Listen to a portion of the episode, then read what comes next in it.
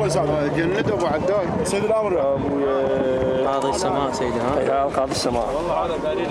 يستلم وهو في العشرين. جريدتهم إي. بيان ظهور هذا هو هذا نفسه. نعم سيدي هاي سيدي القاذفات هاي الأسلحة مالتهم كانوا يستخدموها.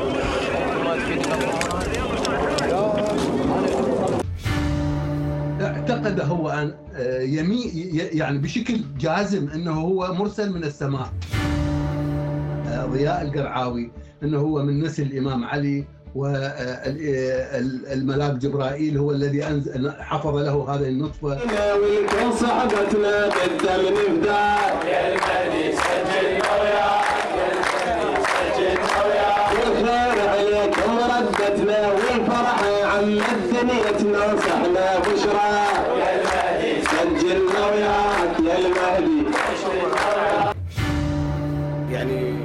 كرامات معينة انه هم رجع يعني يصير عنده الرهاصه هو طفل الأخرس مثلا يسوي له هيك بلاعيمة منطقة سبحان الله الناس تقربت عليه كثير من الناس تقربت عليه إلى حد ال 94 إنه يتم توزيع آه، آه، مفارز عسكرية على مداخل آه، مدينة النجف.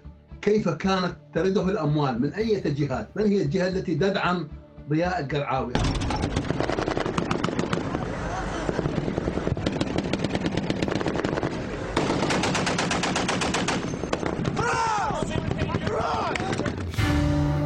في صباح اليوم التاسع والعشرين من شهر يونيو لعام 2007 اقتحمت قوات عسكرية مشتركة عراقية من الجيش والشرطة معسكرا في إحدى المزارع في قضاء الكوفة التابعة إلى محافظة النجف واستدعي خلالها القوات الجوية الأمريكية لتنفيذ ضربات جوية على الموقع الذي اتخذه مركزا وقاعدة لتنظيم جند السماء وزعيمة ضياء عبد الزهرة الكرعاوي الملقب بقاضي السماء الذي زعم أنه علي بن علي بن أبي طالب ابن رابع الخلفاء الراشدين نفذت القوات الأمنية العراقية وبمساندة من القوى الجوية الأمريكية العملية العسكرية قبل أيام قليلة على تنفيذ قاضي السماء لعمليات مسلحة متزامنة من بينها اقتحام مدينة النجف وتفجير قبة الإمام علي واغتيال المراجع الدينية وذلك أثناء مراسم ليلة عاشوراء. والهدف من ذلك تصفية أصحاب الغش وهم المرجعية وتخليص الإمام علي بن أبي طالب تمهيدا لخروج المهدي المنتظر وهو ضياء الكرعاوي وفقا لاعترافات المتهمين وإعلان ذلك عبر الميكروفونات وإذاعة الصحن وتتم دعوة الفضائيات لبث ظهور المهدي المنتظر على العالم.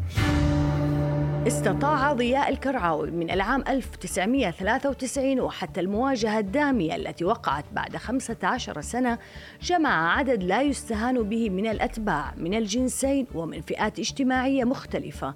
جميعهم آمنوا أن ضياء مرسل من السماء. نجح قاضي السماء بجمع مريديه بعد أن أقنعهم بأنه باب الله في الأرض. كتب كتابه الأول الذي كان بعنوان قاضي السماء. عبر فيه عن تجليات الإمام الحجة وعن مستلزمات الظهور وعن شروط الظهور وأسبابه. وقال فيه إنني المهدي ولد من ولد فاطمة وأنه أي ضياء ولد من بيضة مخصبة للزهراء من الإمام علي عليهما السلام. أتبع ذلك تكوين ما, ما أطلق عليه بجيش الرعب وهي التشكيلات العسكرية لتنظيم جند السماء. مستفيدا أكثر من سقوط نظام صدام حسين بجمع كميات كبيرة من الأسلحة من معسكرات الجيش السابق ونقلها إلى معسكر المزرعة الذي تم تسليحه بطريقة تدريجية. وقبل أن ينفذ تنظيم جند السماء لمخططه بأيام قليلة اشتبكت القوات العراقية ولساعات مع مجموعات كبيرة من المسلحين تراوحت أعدادها ما بين 1000 و 1500 و1500 مجهزين بكميات هائلة من الأسلحة المتنوعة من قاذفات وبنادق ورشاشات ثقيلة ومدافع هاون ومدربين عسكريا وإمكانيات قتالية عالية في القنص. وقع خلال المواجهات عدد, عدد من منتسبي الجيش والشرطة أسرى بيد العناصر المسلحة لتنظيم جند السماء قبل أن تشارك حينها الطائرات المروحية الأمريكية في قتال ومواجهة التنظيم الذي استمر حتى الساعة السادسة مساء سقط خلال المواجهات 300 قتيل من بينهم زعيم جند السماء ضياء الكرعاوي. وتم اعتقال 600 شخص من بينهم نساء وأطفال. فمن هو ضياء عبد الزهرة الكرعاوي الذي حمل عدد من الأسماء والصفات منها المهدي والقائم المتجلي وعلي بن علي بن أبي طالب وقاضي السماء.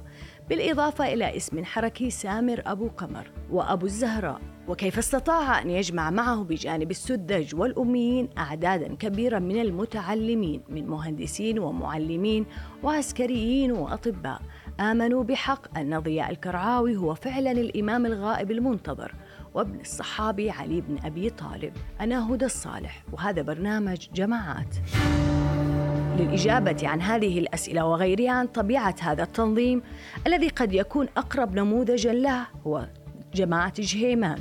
نستضيف معنا من السويد القاضي المتقاعد العراقي زهير كاظم عبود والذي عمل في التفتيش القضائي وأصدر كتابه في العام 2015 عن حركة جند السماء ووثق تفاصيل المواجهة التي وقعت في العام 2007 وكشف العديد من الملابسات التي رافقت القصة لسنوات وذلك من خلال أوراق التحقيقات. حياك الله أستاذ الفاضل. مرحبا فيك. مرحبا فيكم واهلا وسهلا ومرحبا. استاذي الله يسلمك آه، أبغى أبدأ معك بسؤال. من هو الكرعاوي آه، يعني هل كيف بدأ وعرف نفسه في البداية؟ السيد ضياء القرعاوي آه، أحد الشباب العراقيين الذي اعتقد آه، جازما أنه هو له علاقة بالسماء وله علاقة عن طريق الملائكة. هذا الاعتقاد تلبس آه، في عقله في عام 2002 وعلى ضوء ما يطرحه من آه، آه، أحاديث تم اعتقاله في عام 2002 وأودع في سجن أبو غريب ولم يتوقف حتى عندما كان سجينا إنما كان يتصل بالسجناء ويتصل بالسجانين حتى بعد أن تم إخلاء سبيله بكفاله. هذا الرجل عندما تم إخلاء سبيله واطلق سراحه بعد انتهاء محكوميته آه، وسقط النظام آه، كانت له فرصة أخرى أيضا أن ينشر دعوته. آه، كان آه، يعرف الكثير من الناس آه، هو رجل ليس له علاقة بالدين، ليس له علاقة بالاخره، يسعى إلى متطلبات الحياة، ينحدر من إسره لا علاقة لها اطلاقا بالدين.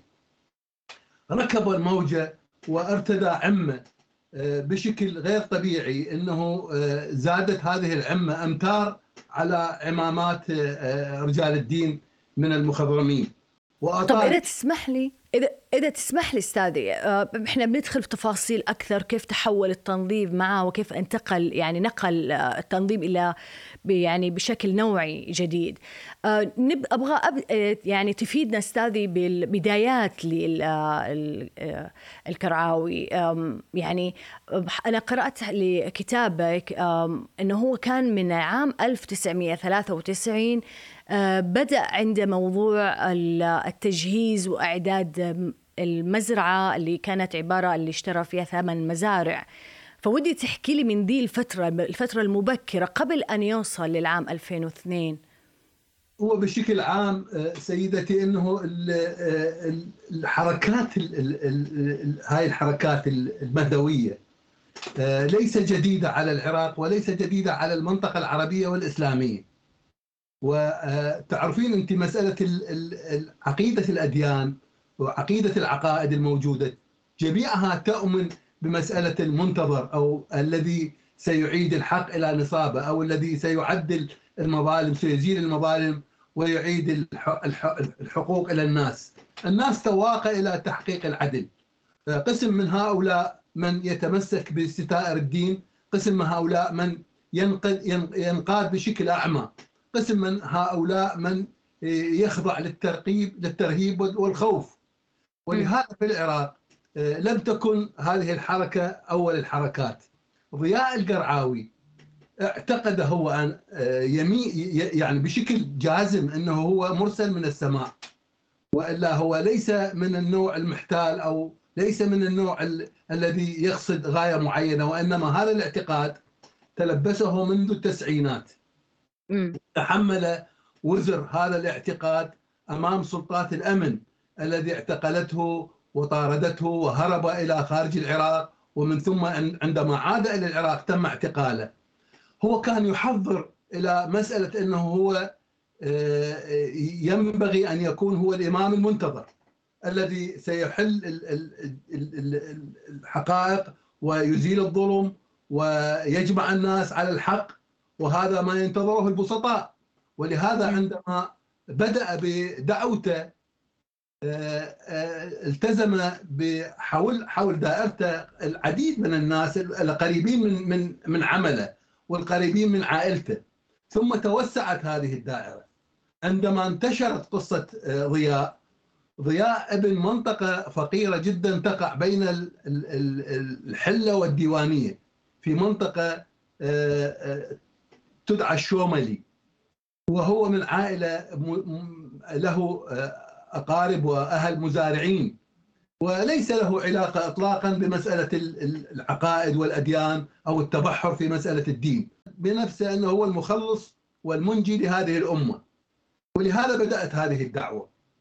هذه الدعوة إذا كانت تخص العراق أنا أعتقد أنه آه، لا تخص الصراعات الإقليمية الموجودة إنما هناك دوافع هناك أسباب تدفع الناس للاعتقاد بصحة مزاعم قيادات مثل هذه الحركات. أبغى أرجع معك لشيء ذكرته بأنه هو خرج آه، من العراق بعد ما تم إيقافه من آه، الأجهزة الأمنية اللي كانت في وقت عهد صدام حسين. آه، انتقل إلى وين؟ وين استقر به؟ وإيش يعني بدأ يشتغل؟ كيف صار نشاطه؟ عندما خرج إلى خارج العراق انتقل أول مره أول الأمر إلى إيران. بدأ يبشر بدعوته داخل إيران تم اعتقاله وطرده من من إيران. ذهب إلى سوريا. في سوريا أيضا بشر في مسألة العقيدة مالته والخطه الموضوعة من قبله. تم طرده أيضا من سوريا.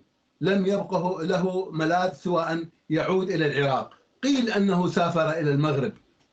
لم أتأكد من هذه المعلومة. ولكن عندما عاد إلى العراق أيام النظام السابق أيضا تم اعتقاله.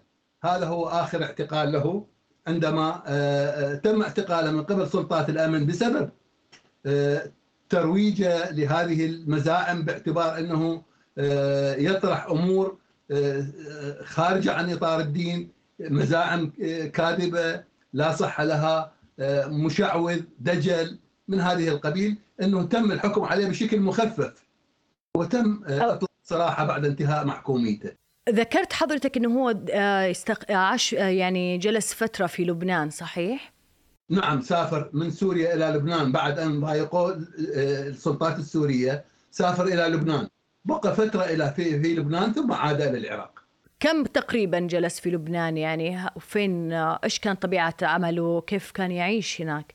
هو هل المسألة التي لم يتعمق بها التحقيق في آه، عندما آه، تم إلقاء القبض عليهم إنه مسألتين مهمتين جدا. كيف كانت ترده الأموال؟ من أي جهات؟ من هي الجهة التي تدعم ضياء القرعاوي؟ هذه ظلت سر دفين جدا في ابابير التحقيق، لم أجد لها أيضا أي منفذ أو أي ضوء يدلني على أنه من كان يساعد هذا الرجل لأنه ما قام به لم يكن شيئا بسيطا أو هينا. وإنما قيامه ببناء بيوت ومعسكرات وشراء أسلحة وأجور سفر وتموين ورواتب. هذه ليست مسألة اعتيادية جدا يمكن أن يقوم بها شاب مثل ضياء القرعاوي. وإنما يجب أن تكون هناك جهة معينة آه، أعتقد أنه ساندته ماديا واستمرت بهذه المساندة حتى اللحظات الأخيرة. والمسألة الأخرى إنه عندما تنقل بين هذه البلدان بين إيران وسوريا ولبنان والمغرب على حد ما ذكر والعراق ما, ما هي الأعمال التي قام بها حتى يمكن أن يستمر هناك لإدامة معيشته؟ كيف يمكن أن يبقى في لبنان مثلا أكثر من سنة دون أن يكون له مصدر رزق أو في سوريا أو في إيران أيضا؟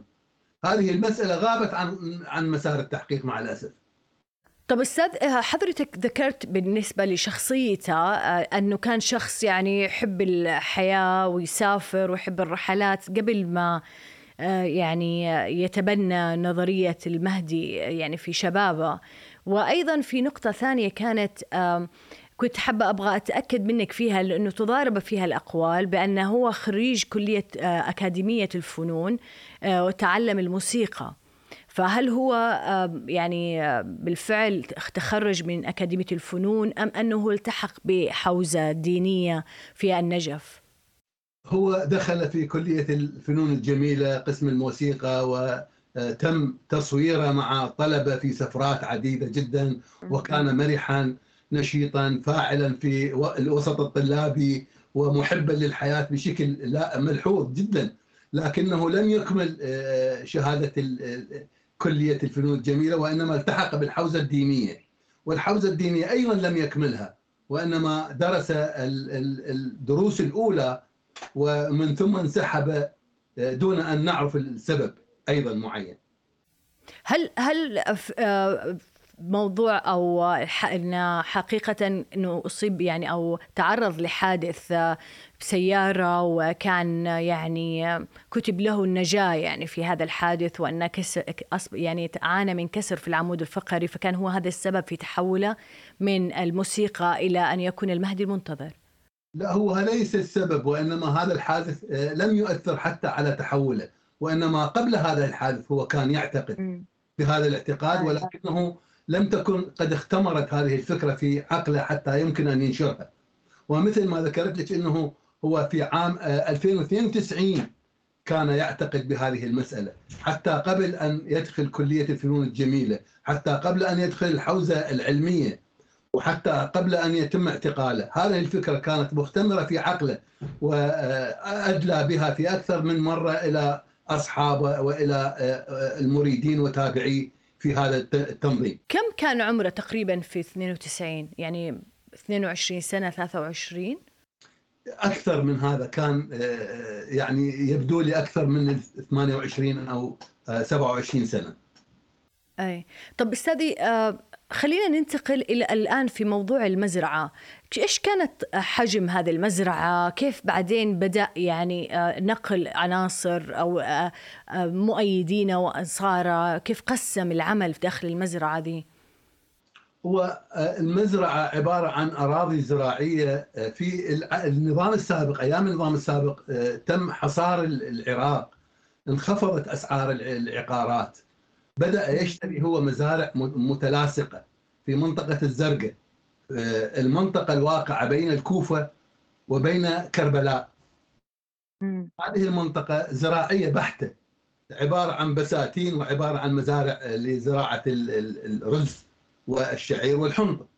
اشتراها هذه بأكملها ومن ثم بدأ يبني بها دور سكنية ومخازن.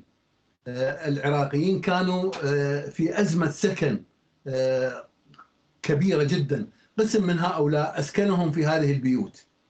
يبدو لي أن هناك عقل عسكري جدا كان يلازم ضياء لأنه المزرعة كانت عبارة عن ثكنة عسكرية محصنة. عمل لها سواتر ترابية من الشارع العام عمل لها تحصينات عسكرية داخلها لمراقبة أطرافها وكان هناك أشجار كثيفة جدا من أحد جوانبها تحجب الرؤية عنها ومن ثم آه، بدأ آه، يجلب الأعوان لإسكانهم في هذه المزرعة التي أعتقد أنها كانت لا تقل عن ألف دونم في آه، منطقة الزرقاء التي حوطها بهذه الستائر. وسكنوا بها الكثير من أتباعها حتى اللحظة الأخيرة لنهايتهم. إيش كانت طبيعة يعني هل كانت مقسمة المزرعة؟ يعني بما أنه في عناصر في حسب ما فهمت من حديثك أن كانت عوائل أيضا. كانت ال ال أغلب العناصر التي تبعت ضياء كانت تأتي بعوائلها أيضا اطفالهم ونسائهم. النساء كنا يعملن في الخبز في المخابز أو في إعداد الطعام أو في تنظيف المزرعة والرجال كانوا مقسمين على شطرين. إما التدريب على السلاح والتعلم عليه أو دراسة الدين باعتبار إنه آه، يعتقدون إنه ضياء القرعاوي هو الإمام المهدي الذي ولد من ولد فاطمة أي أنه آه، آه، ضياء هو من أولاد الإمام علي بن أبي طالب رغم كونه إنه من عائلة لا علاقة لها بالنسل الإمام علي. طيب أستاذي بالنسبة لي متى بدأ لما آه، أصدر ونشر المانيفستو الكتابة آه، قاضي السماء؟ متى كان هذه في أي مرحلة؟ ب 2003 آه، بعد ما سقط النظام بدأت آه، تتوسع حركة ضياء آه، بدأ آه، يطرح مسائل كثيرة جدا منها أنه أنه لن يصيبه شيء حتى ولو تعرضوا إلى شيء ما. إنه ضياء هو آه، لا يمكن أن يروه بالعين المجردة سيختفي وأيضا آه، إنه يعتقد هو وكما يعتقد أصحابه إنهم أيضا سيتمكنون من مواجهة أي قوة عسكرية لأنه سيساندهم الله بجند لا يروهم القوات العسكرية يحاربون معهم. آه،. بدا يطرح هذه المسألة ألف كتابه هو قاضي السماء وفي قاضي السماء طرح مسائل كثيرة جدا آه، ابتداء من آه، أسباب تحوله إلى آه، أنه من نسل علي بن أبي طالب وأسباب كونه المهدي المنتظر. طرح فيها تجليات المهدي المنتظر طرح فيها أسباب ظهور المهدي طرح فيها ماذا يعمل المهدي وجماعته بعد الظهور.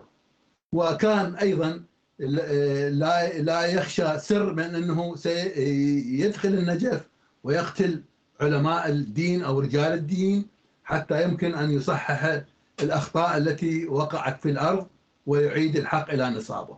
اسمح لي أسألك أستاذ آه، كان ال- الكرعاوي ذكر يعني من ضمن الكتابة أنه نطفة من صل من صلب علي بن أبي طالب وأنزلها جبريل تحت الكساء ثم حفظها إلى أن وضعها في رحم امرأة فولدت وظهر ضياء الذي هو الإمام مثل هذا الطرح آه، كيف بينطلي على مريديه وأنصاره؟ يعني وحضرتك تفضلت وذكرت بأنه هو عشيرته معروفة يعني كان معاه أخوه كان والده أيضا معاه في المزرعة آه، فمعروف نسبه وإيش امتداد أسرته. فكيف إنهم صدقوا مثل هذا الطرح؟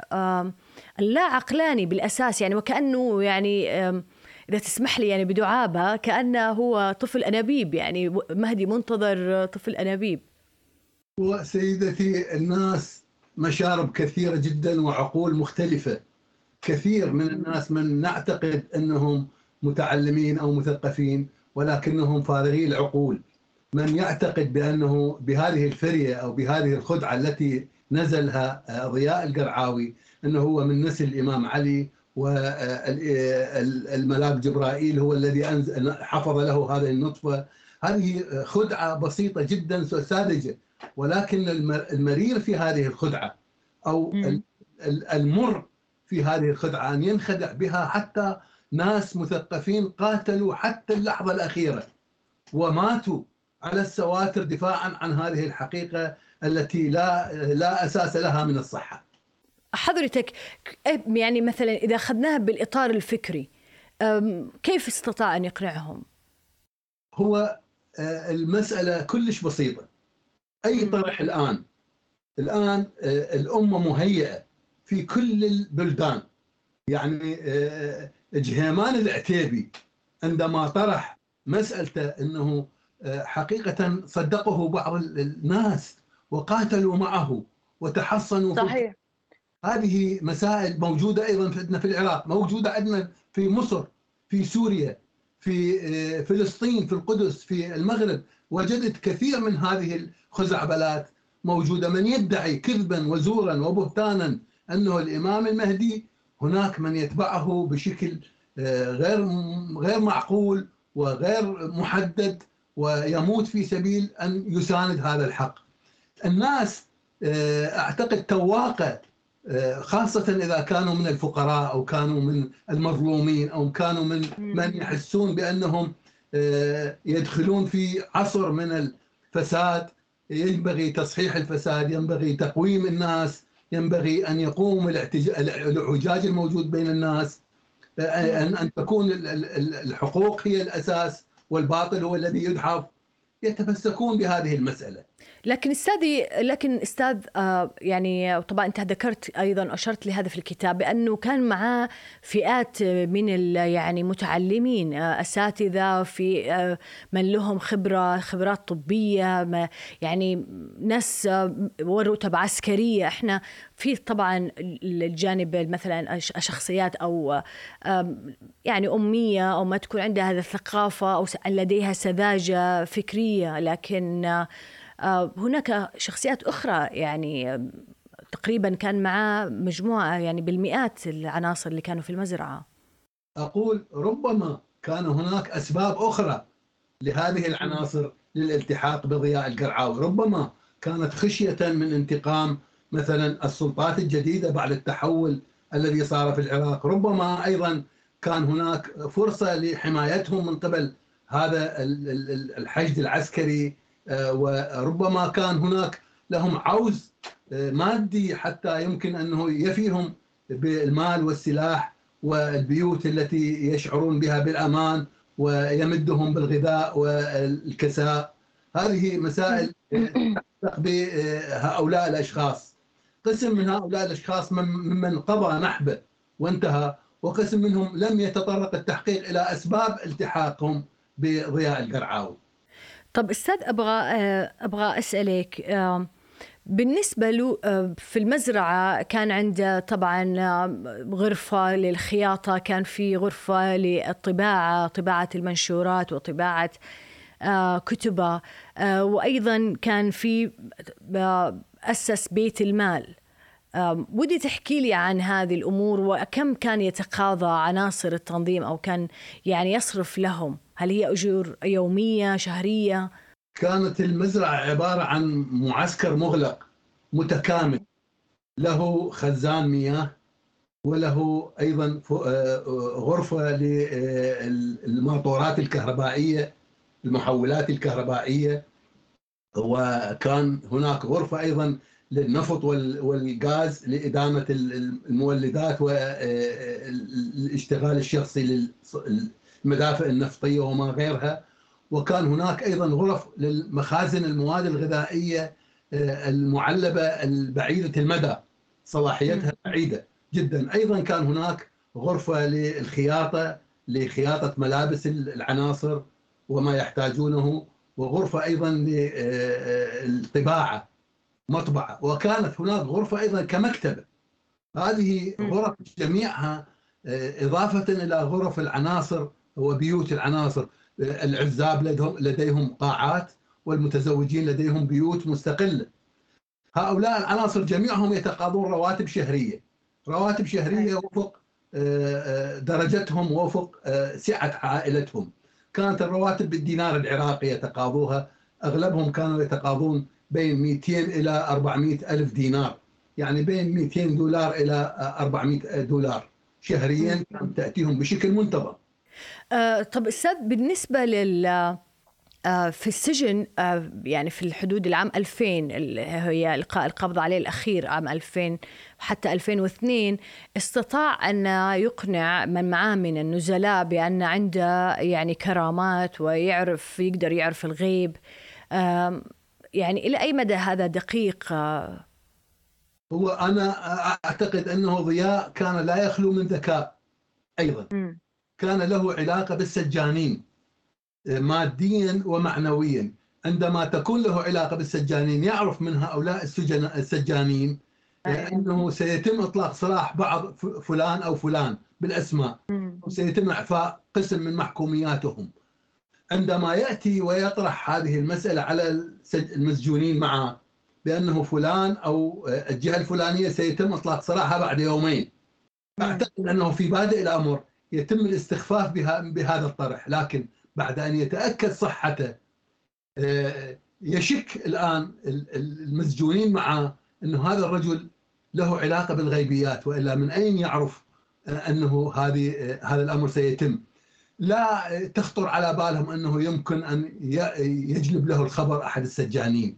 انطلت على بعض منهم ولهذا عندما خرجوا من السجن بشروا بأنه هذا الرجل كانت له كرامات وكان يعرف بعض الغيبيات وكان يقول لنا بها قبل أن تحدث. هذا. ما آه، طرحه بعض الناس وبشر به هو ضياء طب أستاذي هل كان اعتمد ثيمة لبس معين لعناصر التنظيم؟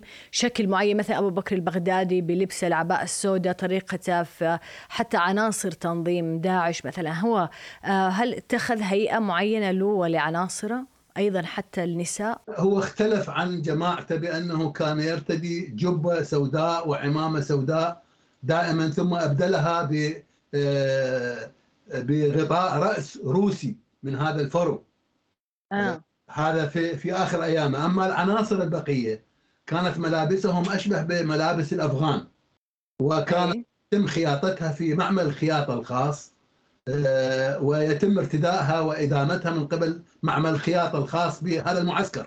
اللي جوا المزرعة. نعم. طيب وبالنسبة للعناصر يعني كانت آه، مسلحة يعني بيظهروا بشكل علني يعني ما يخرج من المزرعة بيمارسوا يومهم بشكل طبيعي أو حياتهم أو وظائفهم؟ ال- السلاح لا يخرج من المزرعة مزرعة إطلاقا. و... أي. وأيضا كان قليل جدا من عناصر المزرعة من يمكن له أن يخرج من المعسكر إلى المدينة ويخرج يبدل ملابسه يرجع كما كان مدنيا وينزل لقضاء حاجته أو لقضاء بعض الأمور وليس الجميع وإنما كون هناك عناصر محددة جدا. وللأسف أنه هاي العناصر التي كانت تنزل إلى داخل مدينة الكوفة أو إلى النجف أو إلى الحلة آه، كم تم القضاء عليه لم يتم معرفة آه، آه، ال- الأشغال أو المهمات التي كانت تناط بهم عندما ينزلون إلى هذه المدن ولماذا تم اختيارهم هؤلاء بالذات؟ هذه المسألة تم التعتيم عليها لأنه انتهوا إلى آه، حتفهم طب أستاذي هل كان يعني في بعض ال- التقارير والقصص التي نشرت يعني طلعت عليها بنفس الوقت توقيت يعني بعد المداهمة في حدود عام 2007 و2008 بعض ذكر بأنه هو كان من ممن انضموا لأفغانستان وأنه كان له صور مع مقاتلين أفغان أن كان معه مقاتلين عرب أجانب. هل هذا دقيق؟ لا غير دقيق. لم يكن هناك أي مقاتل عربي لم يتصل بالمقاتلين الأفغان إطلاقا. وحسب ما مذكور بالأخبار التحقيقية أنه اقتصر الأمر على التنظيم العراقي لأنه جميع من تم الأسر آه، وقع بالأسر وتم وجميع من تم قتلهم من العراقيين جميعا.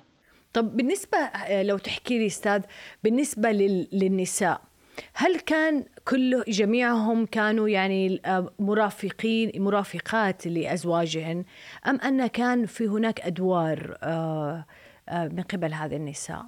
هل كانوا بالفعل يعني مصدقين يعني ذهبوا وانضموا إيمانا فيه أم مجرد أنها زوجة أو ابنة أو أخت لأحد العناصر؟ أغلب هذه العناصر أغلب هذه النساء كانت منقادات إلى أزواجهن وكن يفتقرن إلى الثقافة الدينية والثقافة الاجتماعية. يعني هن مقادات بأي شكل من الأشكال مع أطفالهن ومع أزواجهم. قسم من النساء قليلات جدا من اعتقدنا بصحة آه، أنه آه، آه، إمامة المهدي وأنه ضياء القرعاوي هو الإمام. هذه القلة أخذت على عاتقها التثقيف وتوزيع المهمات بين النساء. ولكن عموما جميع النساء لم يكن لهن إطلاقا أي رأي في مسألة ضياء القرعاوي أو أي معرفة بمسألة دعوته ولهذا أنه تم إطلاق سراح العديد من عندهم جميعا عندما تم إلقاء القبض عليهم طب بالنسبة لوالدة أستاذ ووالدته آه، زوجته إيش كان دورهم في التنظيم؟ والده توفى قبل أن يعمل المعسكر ووالدته أيضا كان له وزوجته آه، هو تزوج من الحلة وزوجته آه، تابعته أيضا وكان لها شقيق فاعل في التنظيم. كان هو. تقريبا ال- ال- ال- المحور المالي للتنظيم. أبو محمد البريطاني صحيح؟ يسموه أبو محمد البريطاني هذا لقبه هو. هذا شقيق زوجته. وزوجته جاءت معه حتى إلى المعسكر.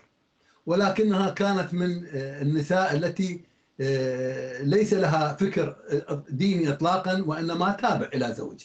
أي. طب بالنسبة لأبو محمد البريطاني هو إيش كان يعني كان ولماذا هو يعني لقب بالبريطاني؟ هو لم يكن بالعراق؟ هو كان لاجئ في بريطانيا واكتسب الجنسية البريطانية ولكنه عراقي الأصول ومثل ما ذكرت من أهالي الحلة شقيق زوجة ضياء القرعاوي. وكان المعتمد المادي الذي يرسله إلى آه، المناطق التي يجلب من عندها آه، التبرعات أو آه، يحول لهم المبالغ هذه مثل ما ذكرت أول الأمر أنه فات على المحقق أن يذكر أو أن يتعمق في مسألة الإعانات المادية من أين تأتي؟ هل هي تصدر من لندن؟ هل هي تصدر من بلد آخر؟ من هو الشخص الذي يمول هذه الحركة؟ كيف يمكن أن تحول هذه المبالغ؟ تحول عن طريق المصارف أو عن طريق المكاتب أو عن طريق الطريق الشخصي؟ وأنا أعتقد أنه عن طريق الشخصي صعب جدا أن يأتي بمبالغ آه، كبيرة جدا عن طريق المطارات.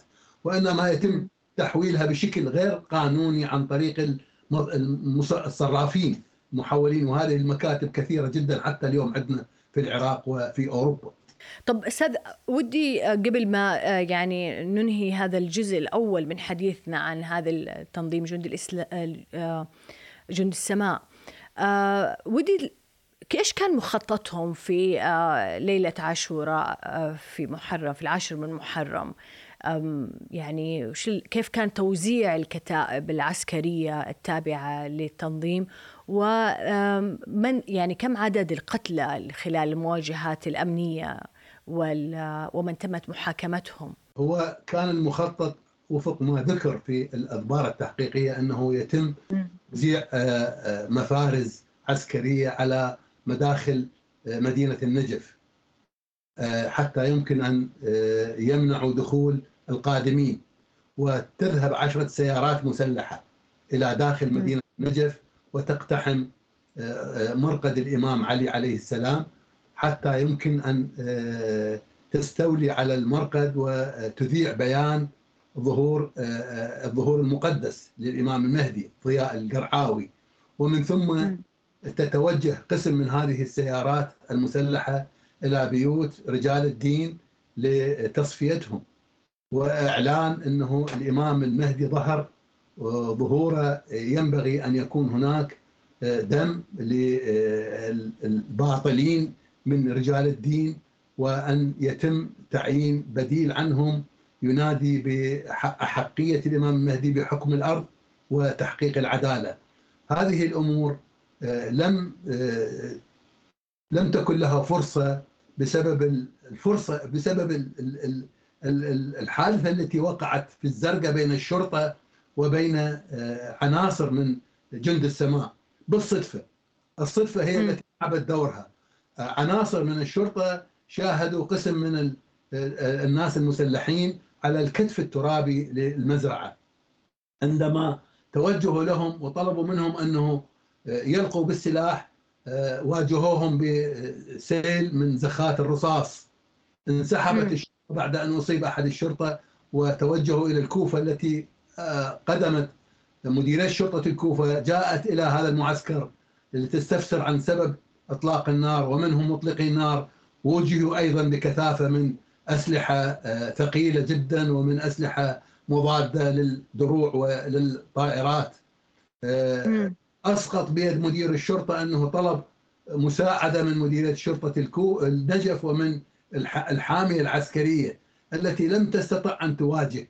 هذا المقدار كثير من عناصر الأمن من آه، قتل ومن أصيب والأمر أدى إلى استنجاد هذه القوة بقوات من بغداد هي قوات العقرب وحماية من القوات المحتلة في حينها بالطائرات التي أخذت تلك المعسكر حتى يمكن أن تخفف من حالة المواجهة.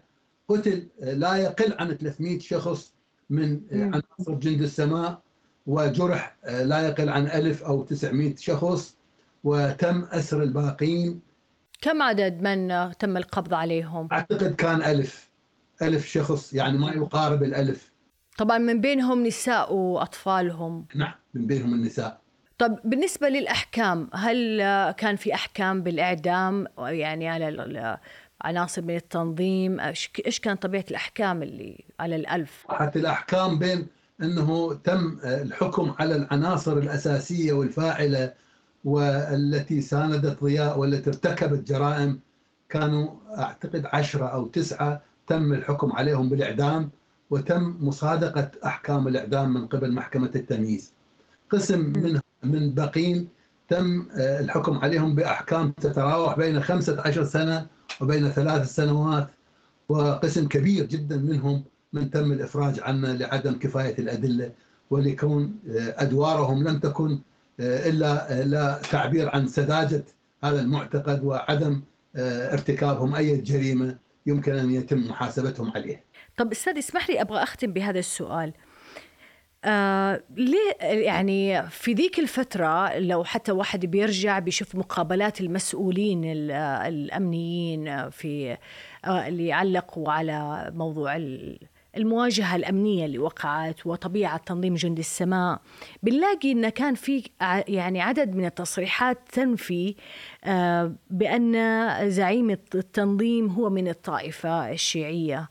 وأنه هو ومدعي المهدوية آه، وكان حتى البعض روج بأن أن عناصرها من السنة العرب غير العراقيين آه، كانت تخطط للقيام بتفجيرات في المدن الشيعية المقدسة يعني يعني مثلا نقرأ هذا في ذاك الوقت على عدم الاستقرار السياسي و أو إلى ماذا بترجع؟